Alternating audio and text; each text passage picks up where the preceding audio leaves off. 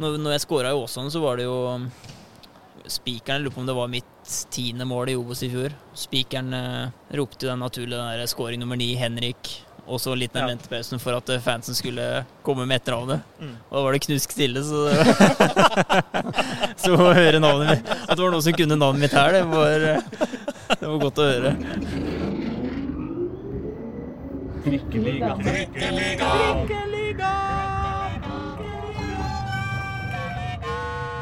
Hjertelig velkommen til eh, Trikkeligaen, Dagsavisens podkast om eh, Oslo-fotball. I dag befinner vi oss inne på Intility, helt på toppen. Oppunder taket har vi fått besøk av Vålerengas eh, spiss Henrik Udal. Det er hyggelig å ha deg eh, på besøk, eller det er hyggelig å få komme på besøk. Det er hyggelig å være her.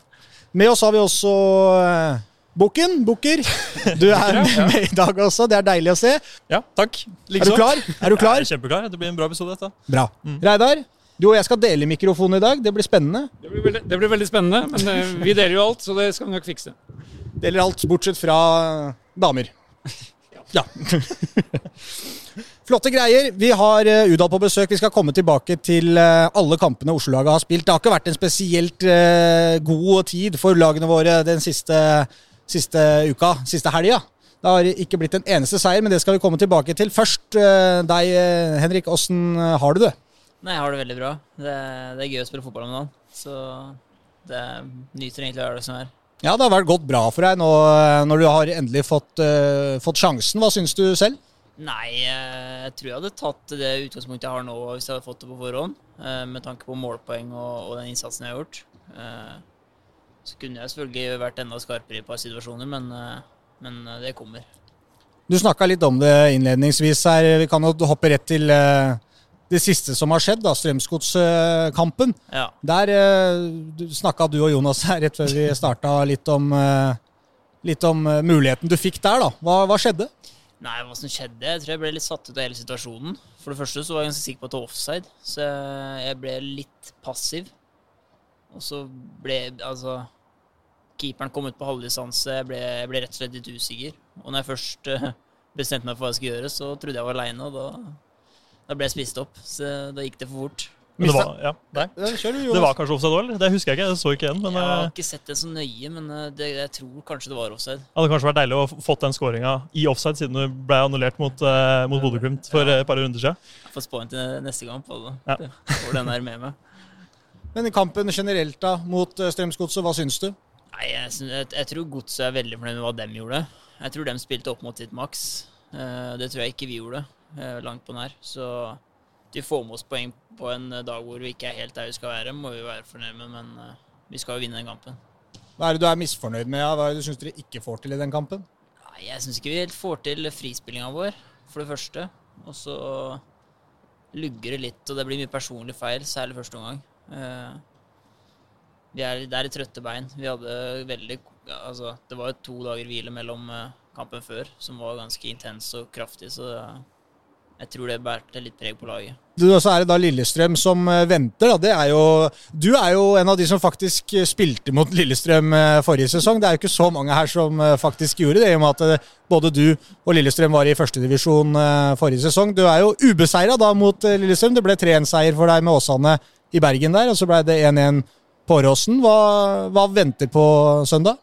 Nei, hva som venter vi, altså Med Åsane så rundspilte de jo egentlig i 180 minutter. Så hvis de kommer med det samme nå, så tror jeg vi skal kose oss. Det, jeg lurer på om vi hadde 70 eller 75% possession på Åråsen ja, når vi spilte med Åsane. Så da løp de godt etter ball. Så jeg ble ikke skremt av det de kom med da. Men uh, vi får se hva de kommer med nå. Blir det litt nøkkelen nå å ta tak i ballen og, og være, være sjefer utpå ut på her? Ja, jeg tror egentlig den oppskriften er ganske lik som den vi hadde mot Sarpsborg. At vi må egentlig bare løpe over dem. Og at det- er trøkk og intensitet som ikke de har sjanse til å, å svare på. For eh, jeg tror de er ganske like, de to lagene her. eh, I form av formasjon og litt spillertyper. Så jeg tror nøkkelen er egentlig bare å prøve å gjenskape det vi gjorde mot Sarpsborg. Du har skåra mot Lillestrøm før. Veit du når? Eh, 2014. G19 Interkrets eh, der. LSK VIF 0-2. Målskårere Tega George og Henrik Udal. Husker du kampen? Nei, det husker jeg ikke. Det er første års junior, det. Men betydde det litt eh, ekstra i juniorkamper òg? Selv om det er eh, liksom på lavere nivå da, mot Lillestrøm. Det blir jo Oslo-gutter mot eh, de der Akershus-gutta, så det, det blir jo litt ekstra tenning rundt det. Uten at det er så stor rivalisering på det på det nivået der. Men det henger jo kanskje litt igjen fra hvordan det er på A-lagsnivå. Men eh, det ble litt ekstra i det på, på den kampen der òg. Det husker jeg. Du sa etter, etter kampen her sist uh, at, at det var egentlig første gang, kampen du spilte for et større publikum. Og nå blir det jo sannsynligvis enda flere på søndag, da. 7000 kanskje på maks. Ja. Hvordan, hvordan uh, syns du det var? Nei, altså jeg har jo egentlig fått en veldig gradvis bygge opp nå den der eh, tilskuerdelen av, av kampene. Uh, I fjor så hadde jeg jo ikke tilskuere, eller strengt tatt ingen, men eh, når vi fikk lov til tilskuer, så hadde vi jo ikke mer enn 200 på Sandefjord-kampen uansett. Så når jeg kom hit, så starta vi med 50. Så det ble bygd opp til 2000, og nå er det 5000 sist, og så blir det 7000 neste. Så jeg har egentlig bygd opp ganske gradvis. Istedenfor å få det der granatsjokket med 200 til 10 000, så Mm. Nei, det var, det var jo veldig kult. Eh, Jeg merka at det, det var litt eh, uvante nerver og, og om, altså omstendighetene rundt som var litt uvanlige i forhold til hva jeg var vant til. Og det er klart det påvirker jo litt, det mentale aspektet av det. Så når jeg fikk landa litt etter 10-15 minutter, så merka jeg at det var lettere å komme seg litt inn i kampen. Så Så du, blir- du blir trigga av det? Du- blir ikke, du blir ikke lamma av det? Nei, jeg syns det var egentlig bare kjekt. Ja. Eh, Det er jo noe man har drømt om, å få, å få ha folk på sida som ikke bare er foreldre og, og venner. Så det var, det var kult. For det betydde jo noe ekstra å få score foran klanen der eh, mot Sarpsborg. Ja, altså jeg tenkte på det før, altså når jeg varma opp at eh, foran dit skal jeg når jeg scorer, så det var godt at jeg fikk rukket å gjøre det før, før pause. Det var rett bort. Det var rett bort. Hva slags eh, spillertype vil du si at du er? Altså, har, har du vært spiss hele tida? Altså Ja, jeg har egentlig vært eh, veldig lik det jeg er nå i veldig mange år. Har egentlig hatt de samme svakhetene og samme styrkene så lenge jeg kan huske. Og det har vel vært litt av problemet og styrken min, eh, ut fra hvilke trenere jeg har hatt. Så jeg har egentlig vært ganske lik. Jeg tror de som hadde meg da jeg var 13, ser egentlig den akkurat samme spilleren som de ser nå, bare bedre. Så det har, ikke, det har ikke skjedd så store forandringer i form av spillertype.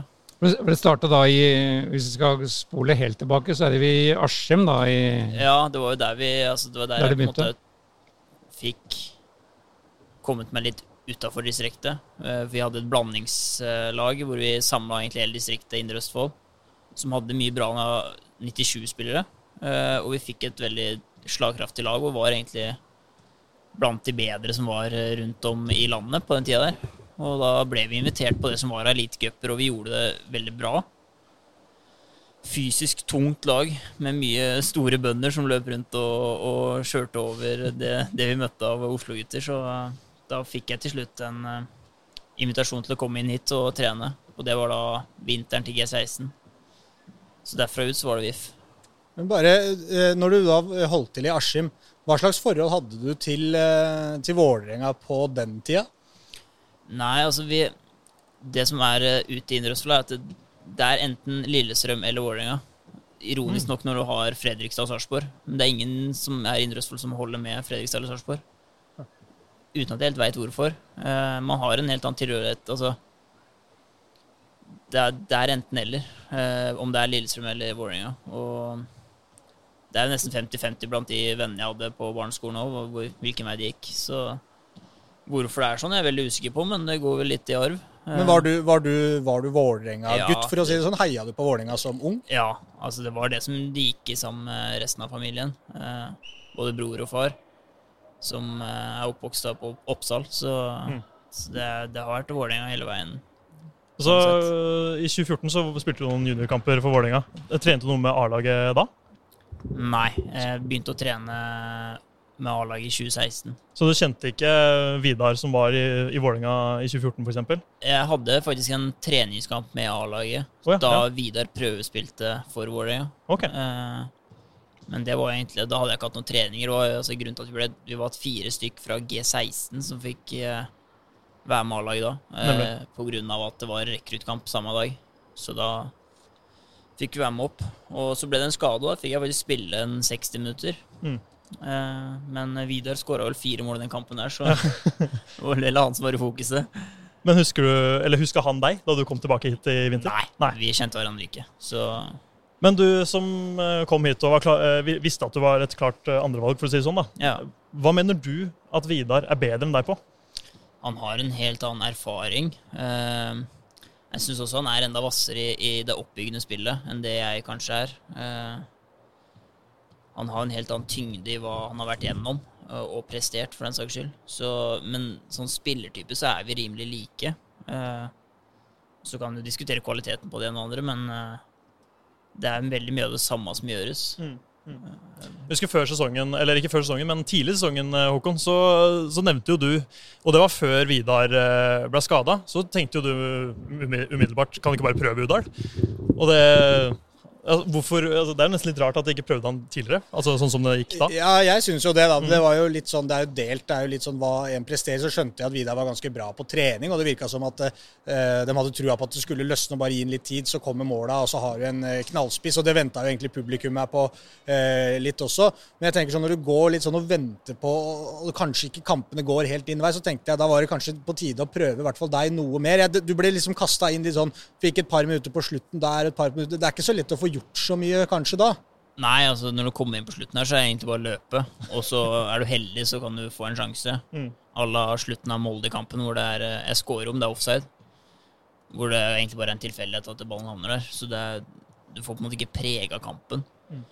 I den grad eh, jeg fikk når jeg kom inn mot Sandefjord etter eh, 35.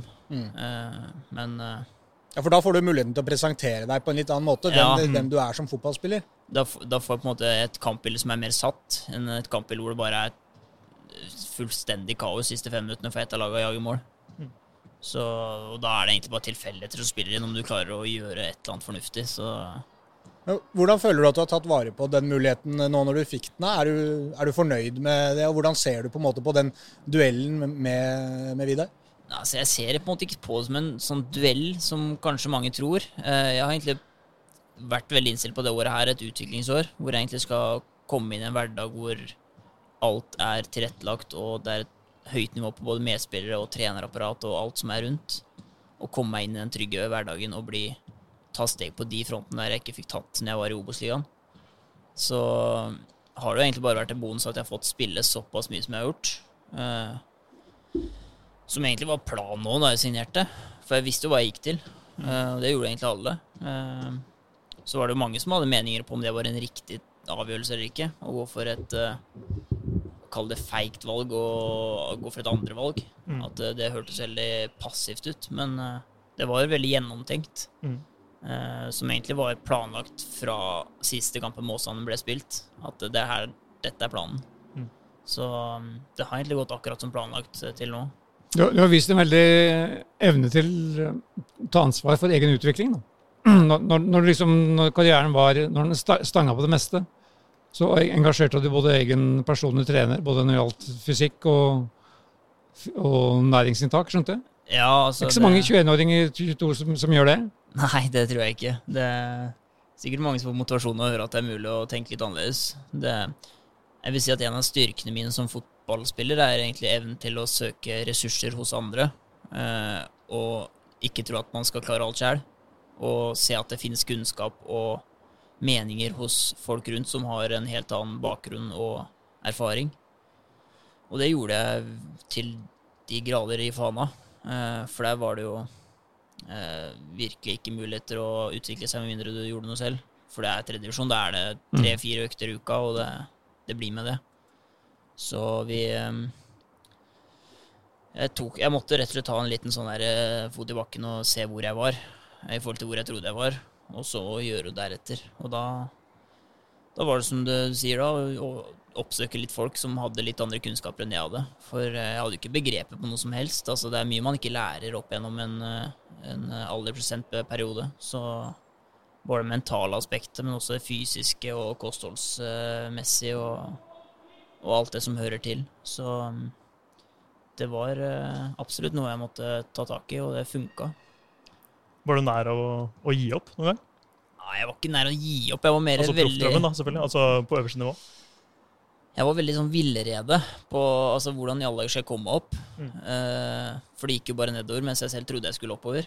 Uh, jeg, Altså, turning pointen ble jo egentlig da Fana rykka ned. Men eh, jeg hadde egentlig bestemt meg ganske klart på forhånd. Jeg husker jeg var og så Vålerenga mot Viking på Ullevål. Eh, dette var rett etter jeg kom hjem fra USA. Og da satt jeg oppe med, med spillerne som ikke var i tropp, og, og, og så på kamp. Og da Når var dette? 2016? Det var 2016, tror jeg. Ja. Og da, da var jeg å kjenne den derre auraen og den stemninga som var på tribunen, og trøkket rundt, og da tenkte jeg at det, dette skal jeg også oppleve. Mm. Dette er dette jeg vil. Jeg vil ikke tilbake til USA og studere business nå. Jeg vil eh, Dette skal jeg jobbe for. Eh, så lugga det jo helt ekstremt det påfølgende året, eh, med Fana Follo og konkurs og nedrykk og droppe ut av studier. Altså det, det var så Alt gikk egentlig en annen vei enn det jeg hadde håpet på. Eh, og skjønte egentlig veldig lite av det selv. For jeg følte egentlig jeg hadde mye mer å bidra med enn å spille tredjedivisjon. Og da var det litt den der eh, wake-up-callen som jeg hadde sammen med familie og, og venner på at uh, hvor er det jeg står nå? Uh, sett, litt, uh, sett litt i perspektiv. Og se at eh, 2017 skåra vel fire mål og tapte 25 kamper. Du kan ikke opp i Obos-ligaen da. Så da, det, var, det var litt der jeg var. Og da var det egentlig at nå må jeg vise at jeg klarer å skåre mål før jeg gjør noe som helst videre. Altså, du, har egentlig, du har egentlig opplevd hele spekteret på, på din vei opp, opp og fram. Ja, ja rett Altså, det høres nesten ut som det har bare vært eh, medgang, men altså den 2017-2018 var det jo ekstremt mye motgang. Og så etter det så har det egentlig vært en eneste stor oppoverbakke. Mm. På, som egentlig det momentum jeg har fått med å gjøre de tinga som har funka for meg, har uh, skapt veldig gode utgangspunkt for å prestere. Men Så har det kommet til en klubb da, hvor eh, analyse står veldig sterkt. Jeg har fått en inn- innsendte spørsmål til deg, og de lurer bl.a. på den um, Hvordan analyserer du deg selv i Vålerenga? Men her får du jo god hjelp. da. Alt blir analysert her, både på trening og i kamp. Ja. Eh, nei, så sist nå var egentlig godset. Eh, hvordan jeg analyserer det Jeg prøver egentlig å se mest på I, i, i eh, Åsane så var det veldig mye mer eh, fokus på detaljer, i form av altså Det er snakk om metere på hvor du står i det defensive, og, og hvor store konsekvenser det har for alle andre hvis jeg står feil. Så der var det et litt mer detaljorientert fokus på mine bevegelser, både offensivt og defensivt. Mens i Vålerenga så er det litt mer eh, fokus på at Eller inntrykk at intensiteten kan på en måte redde opp at jeg står to-tre meter feil for både meg selv og sidemann. At eh, hvis jeg bare har nok trøkk og intensitet i det jeg foretar meg defensivt, så, så går det fint om jeg kanskje bomma litt på inngangen i presset, eller utgangsposisjonen var for høy eller for lav. Uh, og så skal det jo også sies at eh, stopperne i Eliteserien er jo ikke akkurat, med unntak av noen, veldig glad i å ha ballen i beina. Så det er ikke så vanskelig å få dem til å slå den lange ballen. Men eh, nei, analysen er annerledes eh, fra Åsane og Vålerenga. Men det er jo litt på trenere som er og altså Sindre som var i Åsane, han var veldig detaljorientert på det som gikk på analyse. Og så skal også sies at når vi i Åsane ble så gode, så er det jo ikke fordi spillerne var så forbanna gode. Det var jo fordi vi var så nøye på de tinga vi klarte å gjøre med de utgangspunkta vi hadde.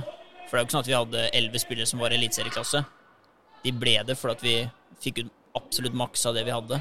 Men med å nettopp være så nøye på de små tinga som var gratis. Det, det var det som funka for oss. Bare, jeg bare lurte på om du, du likte godt Likte du på en måte den type trening som du hadde i Åsane? Det detaljfokuset, likte du det godt? For det var jo, det var jo sesonger Det var jo noen år der som virkelig fikk fart på karrieren din, så det virker som at det var noe som tiltalte deg, da. Ja, det var veldig Kall det min måte å tenke fotball på. Eh, Jeg har alltid irritert meg over eh, norske trenere eller sportssjefer eller hva det måtte være, som mener at de beste spissene er de som er eh, 1,90 høy og veldig raske. Men du ser når de kommer til foran mål, så er det ikke snakk om noen sammenheng i hvordan de avslutter. Og bevegelsen er bingo. Eh, Så for meg så var det endelig å komme et sted hvor det var hjernen og tankene som var egentlig i fokus. Eh, Det var veldig oppløftende og, og godt. For eh, det ga de litt mindre Altså det var ikke mye fysikk på Åsane-laget, men vi spilte jo av det som var uansett. Og komme til et sted hvor det var veldig mange i samme båt. Hvor vi hadde Altså når jeg på 1,85 måtte være sonespiller på defensiv dødball fordi at eh, jeg var den høyeste vi hadde, så det sier litt om hva vi hadde å jobbe med. Og det var, eh, det var gøy å komme inn et sted hvor det var utvikling som var fokus. At det var ikke Altså, vi ville jo selvfølgelig vinne hver eneste kamp, men om vi tapte fordi vi spilte på vår måte, og så var det én som hadde én personlig feil som gjorde at vi tapte, så det gikk greit. Fordi i lengden så kommer vi til å tjene på det. Og det tror jeg vi alle så i Post Nord, når vi akkurat klarte å karre til oss et opprykk eh, med nød og neppe. Så var det ikke veldig Altså, det gikk ikke på skinner, det spillet vårt. Men vi sto på en måte i det selv om. Og Du følte at det var en utvikling i det? Ja, vi hadde altså Hvis jeg skal ta på strak hånd nå, jeg tipper vi hadde i hvert fall fem eller seks grove balltapp foran eget mål i andre divisjon som førte til mål. Mens i Obos i fjor så hadde vi Jeg tror om vi hadde ett, så var det ett maks i løpet av hele sesongen. Og hvis du ser den risikoen vi har hatt i den frispillingen vi hadde, så så er det ganske rart at vi Eller ikke rart, men eh, det er interessant at eh, det ble så få eh, konsekvenser eller altså negative konsekvenser ut av det. Som egentlig alle som sitter på tribunen tenker at det er, med den måten vi spiller på. Så ser på gevinsten vi fikk av å, å spille på den måten her, var jo helt enorm. Så det var kult å komme inn i et eh, miljø hvor det var det som var fokus. Litt tilbake til det du sa om, om stoppere. for I, i fotball-TV så sa du vel at uh, du er mer fan av å spille mot uh, gode stoppere enn uh, dårlige stoppere. Da burde jo, tenker jeg, da, at eh, forutsetningene for å skåre flere mål i Eliteserien er der enn, enn det du gjorde i, i Obos-ligaen. Ja, altså det er jo bare altså For eksempel, altså hvis jeg skulle spilt en B-kamp à la andre, tredje, fjerde sånn, så er det Jeg syns det er nesten er vanskeligere enn å spille i Eliteserien Obos-ligaen. Altså en, du har jo bedre medspillere, selvfølgelig, men motspilleren gjør det jeg forventer. I, ikke Altså du har ikke stoppere som går på overlap, og de har ikke stoppere som plutselig er på utsiden og forsvarer seg på utsiden av bekken og og åpner opp rom du ikke trodde kunne bli åpna opp. Så jeg, jeg syns rart nok at det er lettere å det er lettere å spille mot. Jeg synes det er lettere å forholde meg til stoppere som gjør det de skal. Eh, så går jo det Altså, hvorfor? Det er jo basert på hvordan jeg spiller. Så eh, jeg må ha omstendighetene rundt sånn jeg tror de skal være for at det skal funke, det jeg prøver å få til. I fotball-TV sa du vel også at uh, oddsen for at du skulle bli toppskårer i Åsane var uh, 200, eller? Ja. Er det sant? Det er sant. Jeg hadde en kompis som satt uh, 130 kroner på så han fikk jo 30 000 tilbake. Ikke verst. Så, Genialt.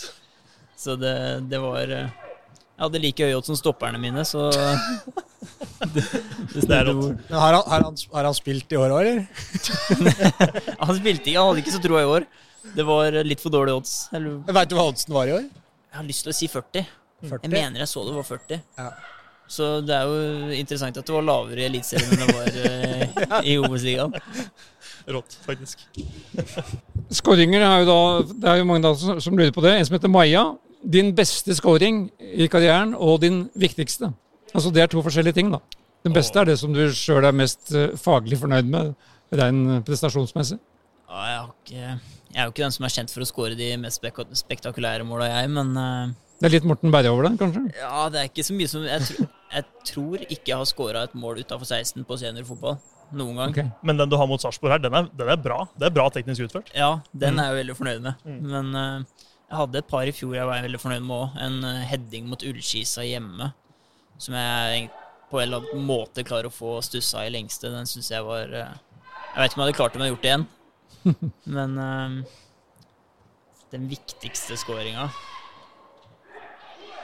Det kan fort være en kamp for Fana i tredje divisjon. Vi lå under Vi spilte mot Stord borte. Vi lå under 3-1.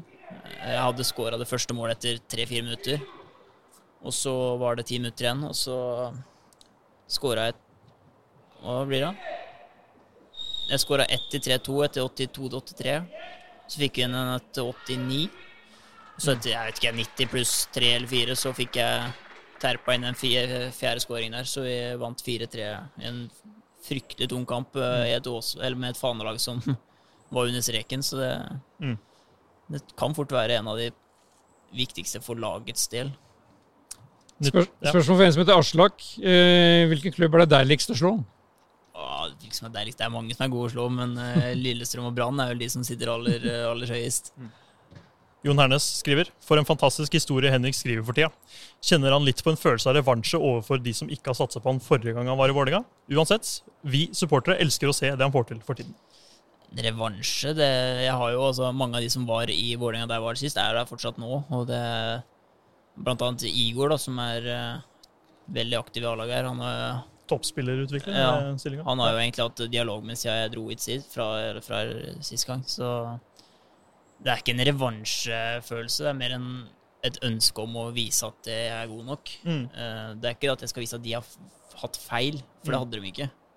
Det var, det var jeg som var for dårlig. Uh, Så det er en mer et ønske om å vise at jeg har kall, kall det klart det, Mm. eh, og bygge videre på det og få til noe med Vålerenga og på en måte være en del av historien, som Mm. jeg syns er eh, det som eh, driver meg. For Du hadde jo litt av et lag eh, på juniortida der. da, altså Kristoffer Claesson, eh, Henning Andresen, Magnus Grødem, Ernest Agiri, Aron Dønnum eh, Elsbutangen, pluss David Hickson og eh, Lars Olden Larsen på benken mot eh, Molde i den juniorcupfinalen ja, junior i 2016. var Det? Altså, det er jo litt rart at eh, ikke flere av dem kanskje fikk sjansen på Rekdal-laget der. For var, Ja, da, da altså- lugga det jo mye for A-laget også. Vi, er- som jeg, sa, jeg har sagt tidligere, at vi hadde før Molde i finalen så hadde vi 30-0 i målforskjell eh, med det laget der. I cupen. Ja, Ja. i cupen. Mm. Og vi holdt oss da det ble andredivisjon ble halvert Stemmer. med et rent juniorlag. Så vi hadde ekstremt ny kvalitet. Men Vålerenga var på et sted hvor det på en måte ikke var eh, Det var ikke rom for at vi skulle kunne gå opp og feile.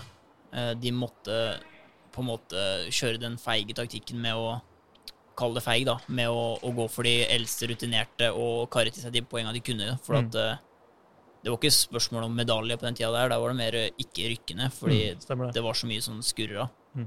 på det ene og andre planet. Så Men altså, av den elveren vi, eller troppen vi hadde i NM-finalen, så er det jo knapt nok en spiller som ikke spiller i Obos-ligaen eller høyere nå. Eh, så vi har jo Retz i Molde, vi har jo Ernest er utlandet, Aron, Claesson, meg, Borch. Vi er jo her.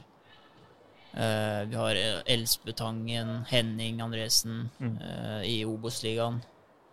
Vi har eh, Mats Andersen i Skeid, David i Skeid. Mm. Det er Og bra kull. jeg tror, jeg tror det var én av de som var i troppen som ikke, ikke spiller nå. Eh, Resten er eh, på toppnivå. Jeg bare tenkte, det må, det må jo være litt frustrerende også når man er på et sånt, eh, med en sånn gjeng som presterer såpass godt, at ikke man Altså, man tenker på sin fremtidige fotballkarriere, da. Når du ser at A-laget lugger, og dere leverer på skinner. At, man ikke da, at ikke noen av dere på en måte får slippe litt mer til. Det må jo være litt frustrerende. Nei, Jeg husker ikke helt Eller hvordan rart, i hvert fall. sjargongen var i, i, innad i laget på den tida. der. Jeg mener jeg huske at vi var mer eh, Det var, det var ikke så mye A-lagsfokusert. Vi var en god kompisgjeng som syntes det var dritkjekt å spille sammen. Eh, det var mer- vi visste på en måte ikke at det var andre lag på utsiden av Vålerenga. Mm. Det var altså, De vi spilte mot andre, som var på en måte ikke noe vi tenkte på, eller Obos-ligaen for den saks skyld.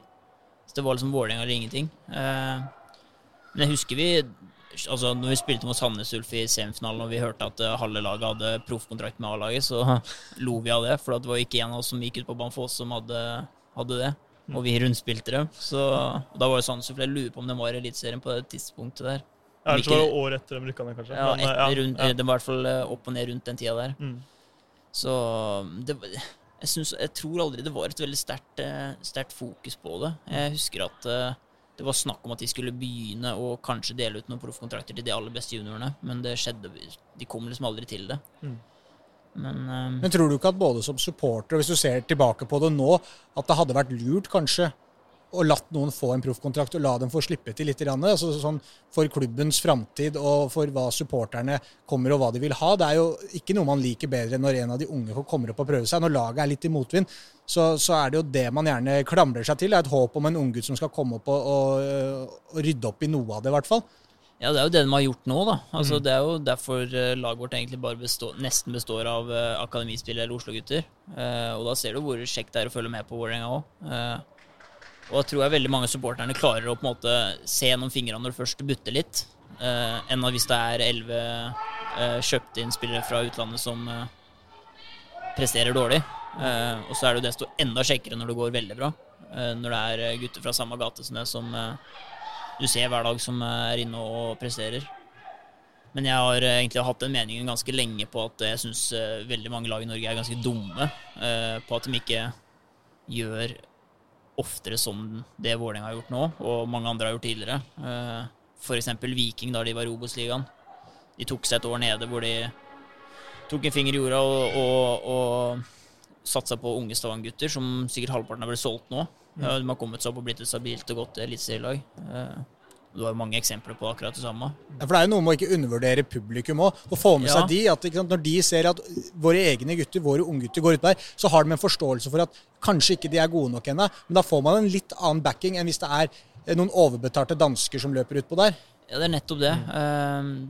Du får med deg hele altså lokalsamfunnet rundt klubben.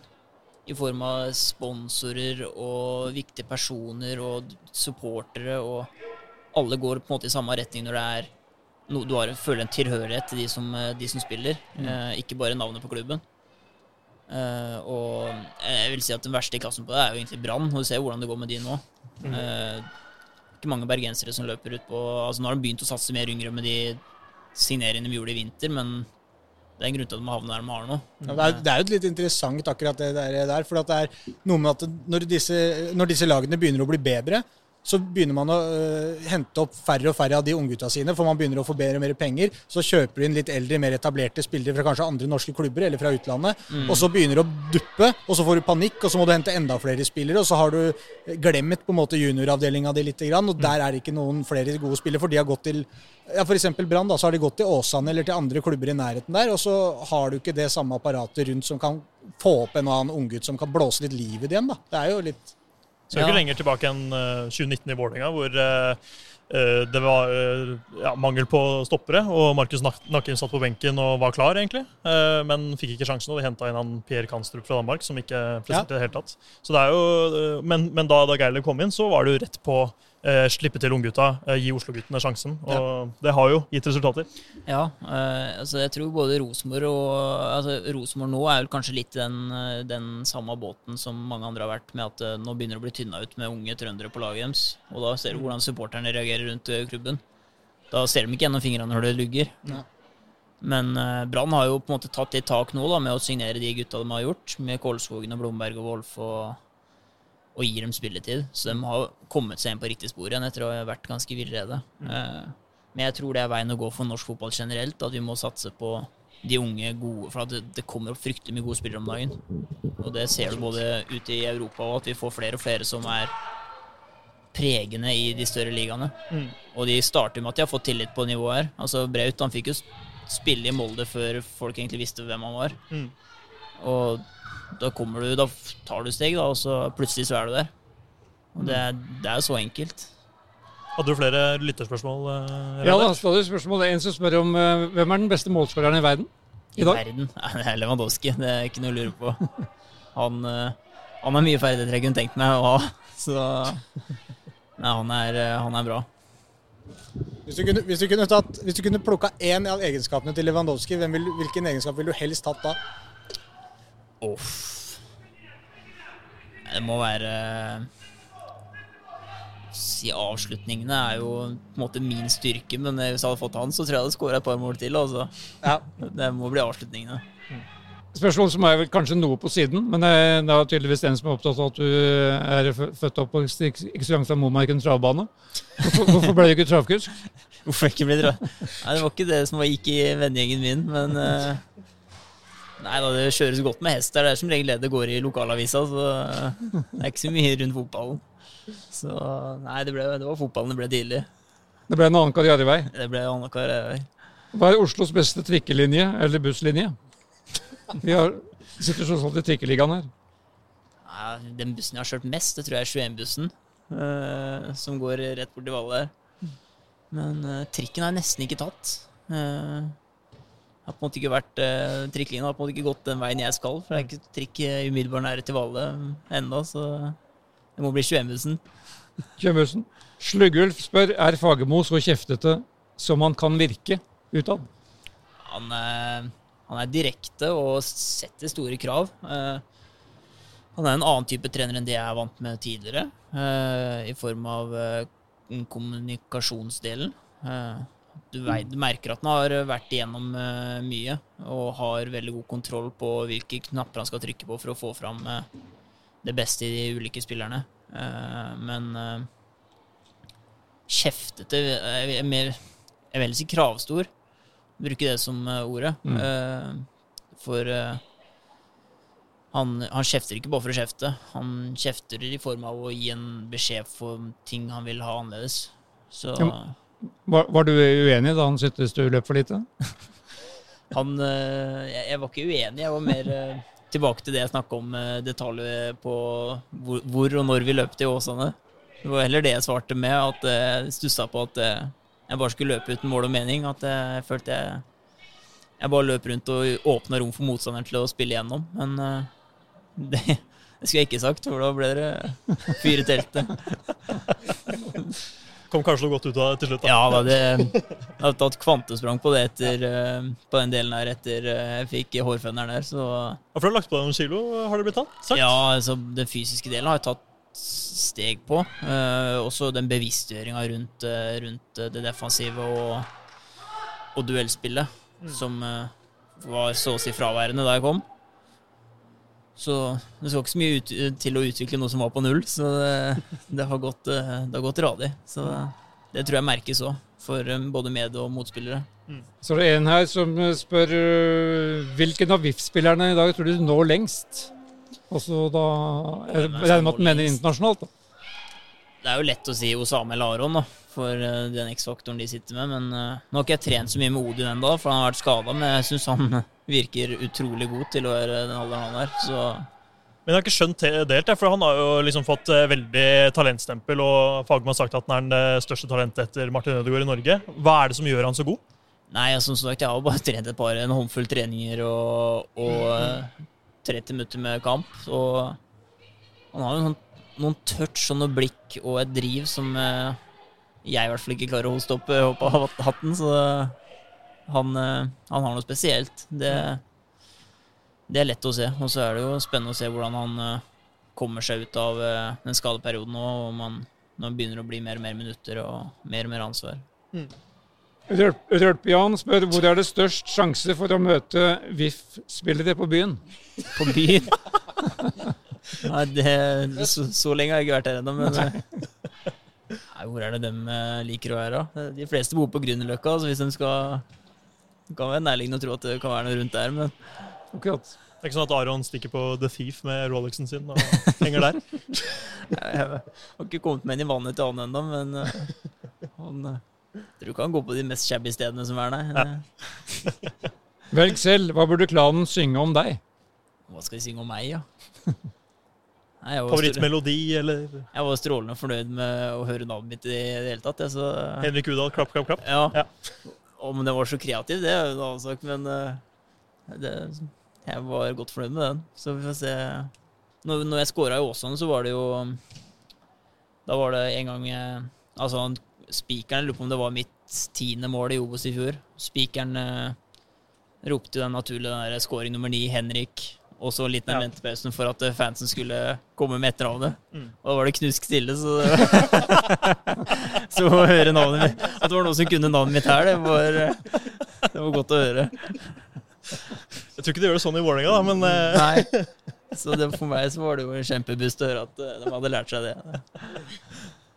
Hva skal du stemme til høsten? er det han som spør? Jeg vet ikke om politikk er det mest det som Vålerenga, rødt eller blått?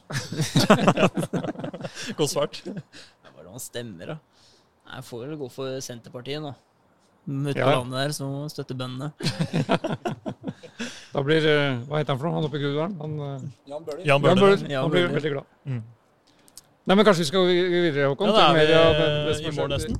Ja, Vi kan nok godt hoppe videre eh, til eh, det som har vært. da. Vi, kan, vi har jo vært inne på eh, Vålerenga-godset. da. Vi vet ikke om vi har noe mer vi har lyst til å snakke om der, egentlig. Det var jo Nei, Henrik oppsummerte jo fint, da. Eh, altså sånn Fra et uh, objektivt uh, ståsted så er det jo greit at Vålerenga får med seg et poeng uh, fra den kampen, ut fra hvordan, hvordan man presterte. da. Og, og Strømsgodset har jo overraska så å si alle som har dømt en moro ned før sesongen. Så ja, helt OK med ett poeng. Det var jo en TV-kommentator som antydet at godset var nærmest seieren, men han fikk jo svar på påtale fra ja, Fagermo. Ja, og- ble utnevnt til Godsets supporter av eh, Fagermo. Ja, han er fra Kongsberg, så han kan jo si Ja, ja. Nei, men, Men eh, det, og det var jo den hens-situasjonen. Hvordan så du egentlig den, Henrik? Nei, jeg mener jo at det er en soleklar straffe. Altså, det dommeren sa, var at han, han, han altså, hans inntrykk var at det var veldig nærme. Men uh, hvis så At hva var nærme? Ja, at det var Wilsvik, var det ja, ikke det? At hånda var nærme Nei, at Wilsvik var nærme han som Altså Amor, var det vel, som Ja, sånn, ja. Oh, ja. At det var kort avstand, Ja. men det var det jo egentlig ikke. Nei, og det, når du så det i reprise, så tror jeg det er en godsespiller til som er mellom Wilsvik Ja, og, ja, ja. og Amor. Så det Yes. kan tenkes at det skapte litt eh, forvirring i Ja, for det eneste, eneste egentlig forklaringa man kan, eh, hvis man skal kjøpe en forklaring, må jo være at eh, hånda er nærme, kropp, nærme nok da, kroppen hans Mm. til at det ikke skal blåses. Men jeg er jo enig i at det, den, den er, er stikker litt for mye ut der. Ja, det ser ut som altså, Sånn jeg så det, så ser det ut som armen er på en måte ikke på samme sted hele tiden. Nei, det den ser beveger seg ut som litt Den oppsøker ballen på en måte med at den, altså, den er først inne, og, så kommer den ut Ja. idet ballen kommer. Om det, er, eh, refleks, om det er bevisst eh, eller ikke, det har egentlig ikke så mye å si. For det, den, som du sier, den beveger seg og stopper et eh, potensielt godt innlegg. Ja, og så straffe der og scoring der på 0-0, så er det jo en kamp Altså i første 20 så kjørte vi ganske greit over dem. Så hadde vi fått 1-0 der, så tror jeg det fort kunne blitt mange mål. Så ble, ble jo, ble, men det ble jo også en litt sånn svett avslutning òg. Så når, alt, når man kom til målstreken, så blei man kanskje var man litt sånn at puh, deilig at kampen var over på en måte, og vi fikk med oss poeng. For det, det, det blei jo litt trøkk fra godset på slutten der òg. Ja, det ble mye tut og kjør på slutten her. Ja. Eh, Du har mange slitne bein, i hvert fall på laget vårt. Eller altså, det var i hvert fall dem, dem også, for så vidt. De lå med kramper, dem òg, så det var eh, De fikk litt momentum de siste tre-fire minuttene der, men eh, Nei, ett poeng er for så vidt greit for begge lag, tror jeg. Ja. kort, eh, kort eh, til slutt der om Lajoni Laioni i de første 20, som jeg syns var eh, veldig kvikk og god. Eh, en av hans beste perioder sånn, i korte trekk i Vålerenga-perioden. For da klarte han det han fikk til litt i Glimt og utfordra og kom til avslutning fra skrått hold og sånn. det Han var jo nærme to ganger der. altså Kort kommentar om eh, Amor så, så langt i Vålerenga. Nei, så han har jo de styrkene som er veldig åpenbare. Mm. Eh, han er jo Det er jo ikke noe Hvis det er så mange Jeg tror ikke du finner så mange som er raskere enn han i Eliteserien. Og han løper og Han har en evne til å egentlig komme først på de bakgrunnsballene, nesten uansett hvor de havner. Eh, og så tror jeg han føler litt på at han ikke har fått de målpengene han kanskje hadde trodd han skulle få. og At det har vært litt stang ut. Mm. Og når de først begynner å sitte, så tror jeg det kommer til å bli bra. altså. Da går vi Vi, kan, ja, vi trenger ikke hoppe så veldig mye okay. videre. Vi kan bare gå ned til gressteppet. For det er, eh, akkurat i dette øyeblikk så er det vel damelaget til Vålerenga som er ute og trener her, så vi kan jo ta, ta dem i samme slengen. For det ble sesongens første tap på Flikkorna. Du så vel den, Reidar? Jeg sier alt, jeg, vet du. Jeg spilte jo samtidig med Vålerenga i Drammen. Mm. Det er jo dumt, syns jeg. Men eh, det- det var jo da vel årets mest besøkte kamp her. 802 tilskuere, mener jeg det var. Hvor da Vålerenga klarte å rote bort den seieren. Det var jo nesten godt gjort. Fordi de hadde da 1-0 og 1-1 og fikk straffe fem minutter før slutt. Så hvor Diana Stefanovic ble takla. Det overrasker meg like mye hver gang. Klønete forsvarsspill. Og så en spiller som er på vei ut av feltet, som da takles. Mm. Altså Det er jo helt unødvendig å sette inn en takling mm. der og da. Men uh, hun fikk noe straffespark og satte den rett i keeper, som slo den opp i tverrliggeren og, og ut. Og så skårte Rosenborg da på overtid. Tøff uh, første tapet for Vålinga da siden, i serien siden 2019. Mm. Har jo, nei, Rosenborg har jo ikke faktisk er fortsatt ubeseiret da siden 2019. Men de to neste for VIF damer er da Sandviken, som jo da er fra byen som du bodde i lenge, Mm. Stemmer. og som har blitt et topplag. Ja. Og så har de da LSK vinner etterpå. Så det er to helt nøkkelkamper som kommer for VIF-damene. Det er Kanskje de har noe ekstratrening her nå, jeg vet ikke. får du fulgt med noe på damene i Vålerenga? Jeg pleier som regel å følge med på resultater. Mm. Uh, hvorvidt jeg ser kampene, det varierer, men jeg har sett et par. Uh, men eh, jeg er eh, veldig opptatt av å se på Post Nord og Obos-ligaen, så jeg har egentlig hendene fulle. Ja, du Følger du mye med på, på det òg? Ja, jeg ser på alt jeg kan se. Du er fotballgæren? Du er fotballpunch, liksom? Jeg har vært opptatt med Egersund og mot Øygarden denne helga som var nå, så det, Var det den du så? det er den jeg så nå. Ja, ok. Toppmatchen der. Toppmatchen der. Ja. Ja, men da kan du, kanskje du har noe å komme med, da, for nå skal vi bevege oss ned i uh, førstedivisjon. Vi kan starte kanskje i Stjørdal, hvor Ja, uh, det. Grorud ikke klarte å skåre utrolig nok, da, for de har jo Oskar Aga på topp. Så hvordan de ikke klarer å få ballen i mål Ja, hvor, mange, hvor mange kamper var det på rad han fikk sist sju, mot? sju mål i sju kamper på rad, tror jeg. Ja. Sto vel med ni på ni. Ja. Er toppskårer i. Obos nå. Ja, det er han Eh, vel, Men hjalp ikke eh, i går eh, mot eh, Stjørdals Blink, som eh, slo Grorud 2-0 etter eh, to straffespark med, ved Mats eh, Lillebo. Eh, og eh, ja, Svakt og klønete av Grorud å gi bort to straffespark. Det er i hvert fall den siste til Christos eh, Safaris, hvor han feilberegner en, en sklitakling, og og så får Lillebo og Blink straffe rett før pause. og Da, da er det liksom nesten kjørt, for da kan Blink òg i andre omgang og liksom bare ja, eh, drepe kampen, holdt jeg på å si. Altså forsvare seg og, og, og være fornøyd med det, og det gjorde dem. Og da, da klarte ikke Grorud å komme ordentlig tilbake, selv om de heva seg spillemessig i andre omgang, da. Her blåser notatet til Bare bla litt hissig. Men, eh, men eh, ja, Grorud spilte jo mot i fjor, Henrik. Imponert over dem, som er nyopprykka eller fra i fjor, da, og har spilt veldig sjarmerende til tider, i hvert fall.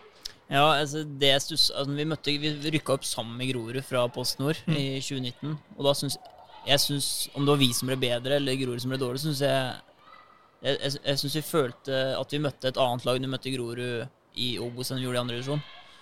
Um, de hadde på en måte ikke Mot oss hadde de ikke den samme trygge, tryggheten de hadde i spillet når vi møtte, som de, da vi møtte dem i 2019. Men uh, de fikk jo og, altså, Jeg syns de kom seg veldig utover sesongen. eh, Når de først eh, eh, kom i den dårlige stimen de hadde midtveis, eh, midtveis der. Mm, mm. Eh, de har jo alle ser de har noen enkeltspillere som bærer lag ganske tungt. Eh, men jeg syns det er gøy å se at de klarer å få, få til med så ungt og kall det uerfarent lag på det nivået der. Ja, Absolutt. Men fra en spiss til en annen, eh, Oskar Aga med de tallene som vi presenterte her, det er jo, han er jo en av de spillerne som du er inne på som bærer det laget. Har du, har du møtt han, eller har du liksom noe forhold til han på noe vis? Har du spilt mot han? Har du eh, noe inntrykk av hvordan spiller han er? Vi spilte mot, eh, mot han to ganger i fjor. Uh, han er jo en veldig god avslutter. Trygg foran, foran mål.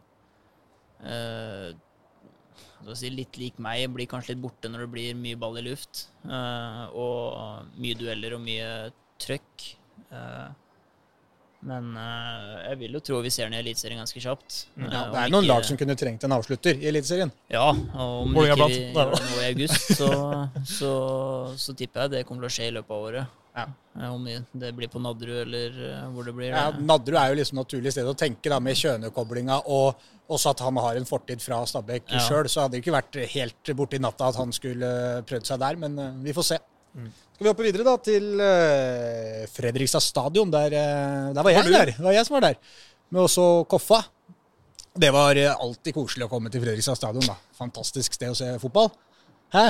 Ra- Det var sikkert noen Raymonder og Remier der også. Det var, eh, Koffa hadde jo Remi André Svindland på Han kom jo inn. Så det slo meg at eh, fornavnet hans passa egentlig bedre kanskje å spille i FFK. Remi André, ja. Remi André. Det ble jo Østfold på mange vis, det. Syns du ikke det? Kjenner du noen Remi Raymond fra Askim? Remi og Raymond, det, det fins dem, ja. Ja, det, Det, det fins der. det skal alltid være én. Ja da. Ja. Litt dobbeltnavn her. Det er nok av dem uti Ja, de er gode til på en måte i Østfold generelt å holde på på en måte fordommene. De har ikke noe lyst til å kvitte seg med dem heller, vet du. De Vi ler av det, dem. men de er litt stolte av det, vet du. Ja da. Men eh, kampen, det var eh, bra førsteomgang av eh, Koffa. Eh, leda 1-0. Første skåringa til eh, Fredrik Christensen Dahl. Hans første seniormål. Venstrebekken. Hæ? Venstrebekken. Venstrebekken, ja. Mm. Var det noen som vimta frampå der og sa at eh, det er neste venstrebekken til Vålerenga, det, vet du. Ja. Var det en som sa der. Det, det er ikke helt utenkelig. Han er jo et stort ikke. talent, uh, Dahl.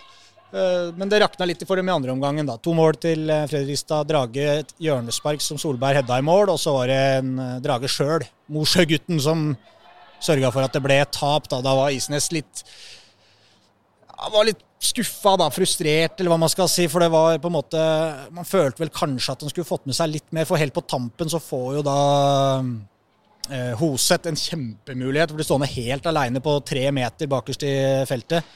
Og triller ballen egentlig bare inn i tomt mål, og så kaster Mats Nilsen seg for redda på streken. Mm. Og på det påfølgende hjørnesparket så får Jesper Toje en ganske god mulighet også, så de fikk en liten sluttspurt.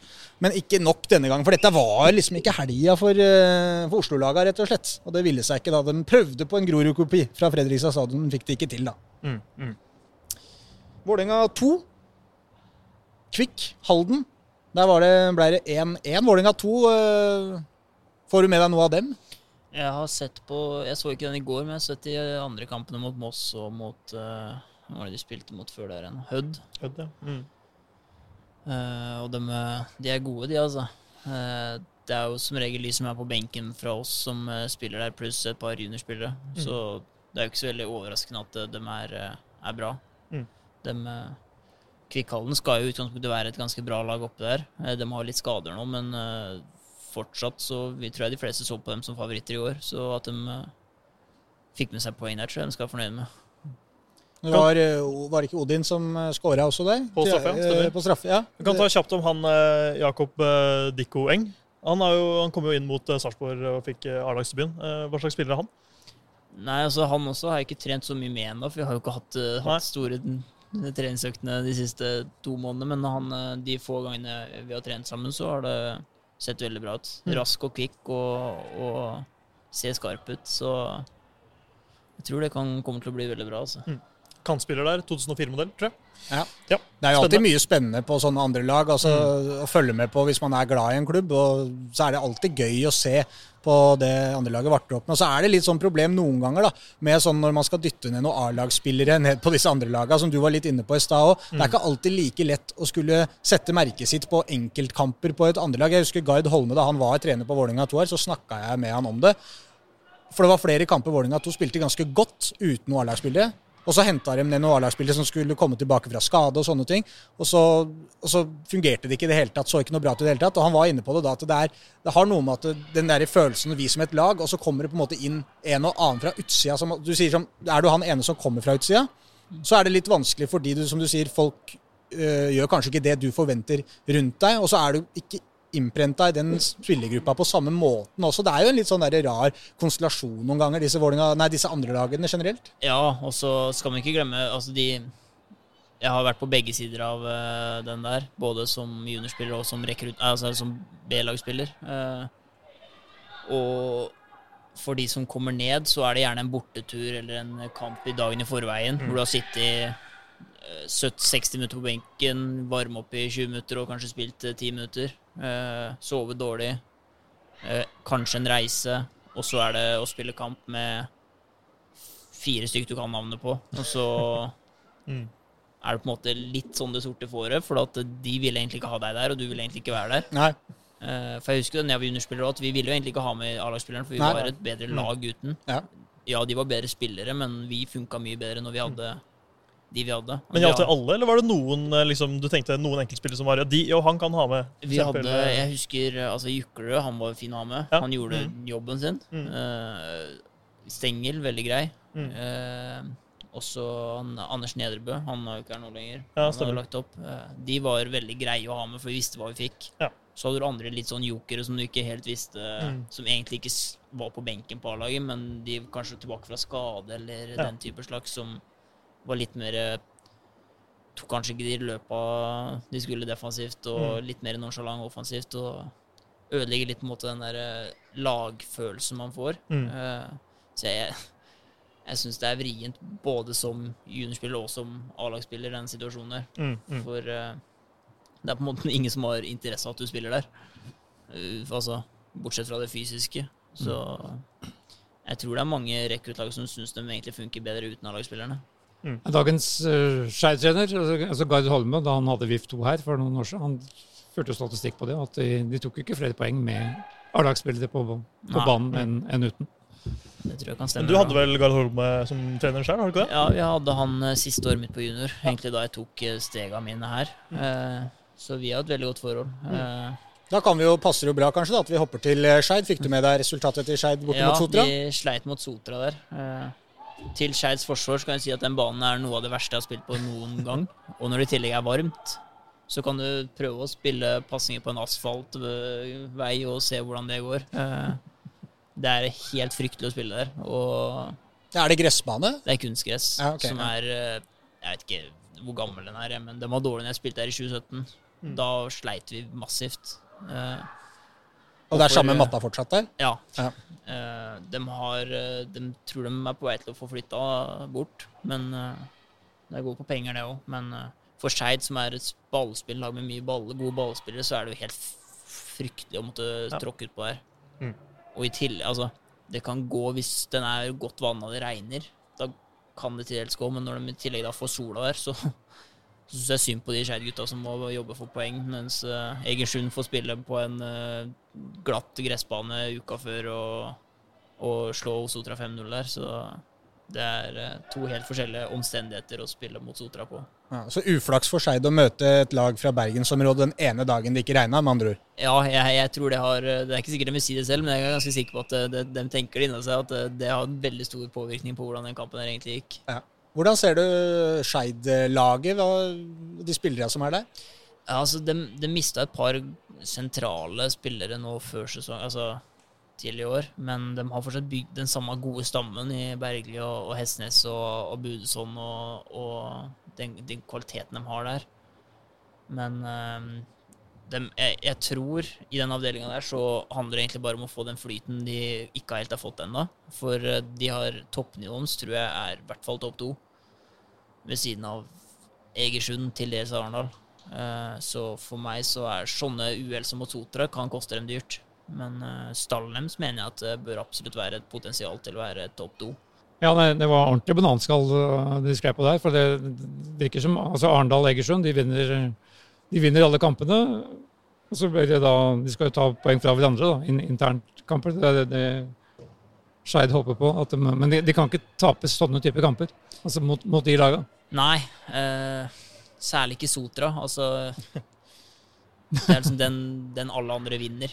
Og da kan du ikke tape den kampen der. Altså Du kan eh, tåle å ryke mot Vard, på en måte. Altså, eller Arendal, for så vidt. At eh, du møter et godt lag, og så den dagen der hadde de, de marginene på sin side. Men når du møter et lag som Sotra, som altså spiller for spiller, er ikke i nærheten av hverandre. Eh, det er, den stallen til Sotra er sylt inn. Eh, De hadde vel 0-5 og 0-6 til tap Ja. for, for Vard og, Og og, dem- Egersund. det er mye urutinerte spillere som egentlig ikke har spilt på nivå der før. Eh, Mm. litt sånn kaotisk eh, klubb som eh, har eh, mot alle odds klart å få et andrevisjonslag. Eh, Og at Skeid ikke får med seg noe der, det tror jeg, tror jeg er fryktelig surt for både Gard og resten av gjengen der. Ja, han var eh, relativt om ikke hissig, han, han blir ikke sint i den forstand som, eh, som Fagermo eller Tom Nordli, for å nevne noen. Uh, han har litt mer kontroll på departementet sitt. Men uh, Sotra har jo da den mye omtalte kvinnelige, eneste kvinnelige treneren i toppfotballen, Renate Blindheim. som da, Taktikken deres var jo grei, de la seg bakpå og tetta igjen. Og Skeid var jo da uten Matar Ka, som jeg syns har vært kanskje en av de viktigste offensive spillerne deres så, så langt i år.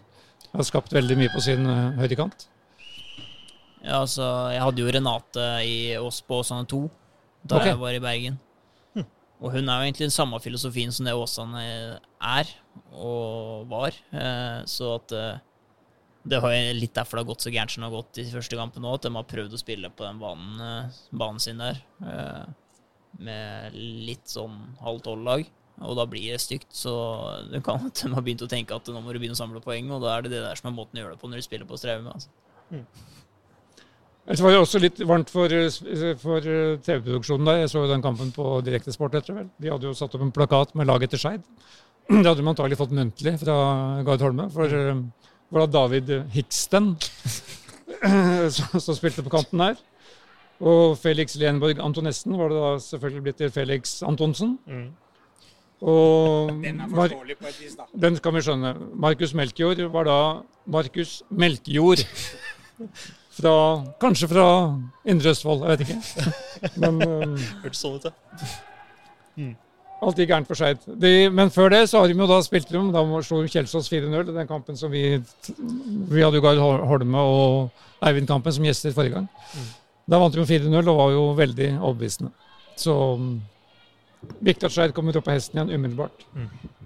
Da mangler vi bare Kjelsås, eller? Ja. Gjør vi ikke det? Ja, og det, de kom jo da fra 4-0-tap mot uh, Skeid og lå jo den, den var vond.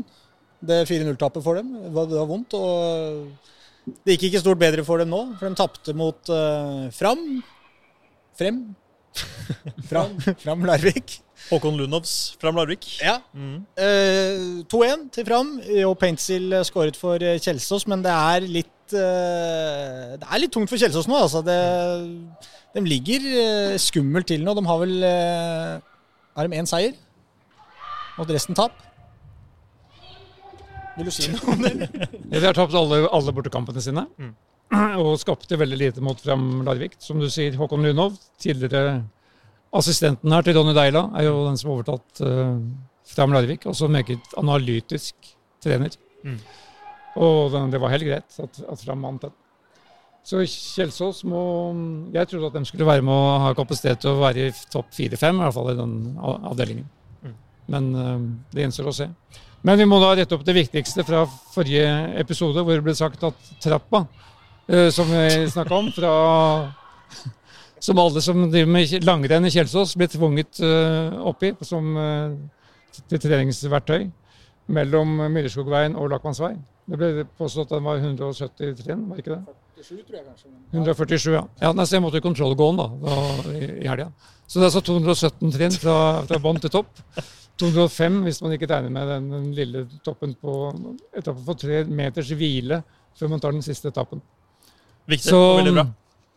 God spensttrening å ta den eh, noen ganger. Mm. Så jeg tror Eivind Kampen kanskje bør sende gutta sine opp der av og til. Den er jo kanskje å anbefale for Henrik, som er glad i egen trening?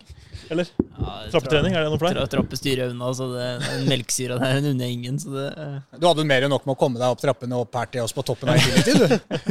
jeg har bodd i Bergen i fire år nå. Det er alt, altså Skal du bevege deg, så må du oppover. Så det, så nå er du er ute av, ja, ute av trening nå. Ja, det er en grunn til at de bygde den der eh, gondolbanen der, tror jeg. Drittlei de sjøl. Ole Paus har skrevet en tekst om det. Uansett hvor det kommer fra, så er det motbakke hjem igjen. Og det er jo riktig. Ja, det er Bergen. Det er Bergen. Ja, ja, det er rart med det. Uansett hvor høyt du går opp, så er det fortsatt ikke noe vei ned. Du må bare gå opp. Henrik, dette har vært eh, kjempehyggelig å ha deg med. Gøy, eh, Du hadde jo bra koll på mye fotball. Det virker som du følger godt med på andre lag enn bare Vålerenga. Men nå er det jo først Lillestrøm, da. Det gleder vi oss veldig til å se både deg og resten av laget gruse fugla. Det blir moro å se. Det blir kjekt. Tips til resultat på søndag? 3 3-0 tror jeg det blir. Til Lillestrøm. Til Lillestrøm, ja. Det blir, hjem, hjemmeseier, tror jeg. Det blir hjemmeseier. Ja. Veldig hyggelig, Henrik. Eh, Jonas og Reidar også, som alltid trivelig. Da pakker vi sammen, og så finner vi oss en kneipe i sola, og så legger vi beina høyt resten av dagen. Takk for at du hørte på. Ha det.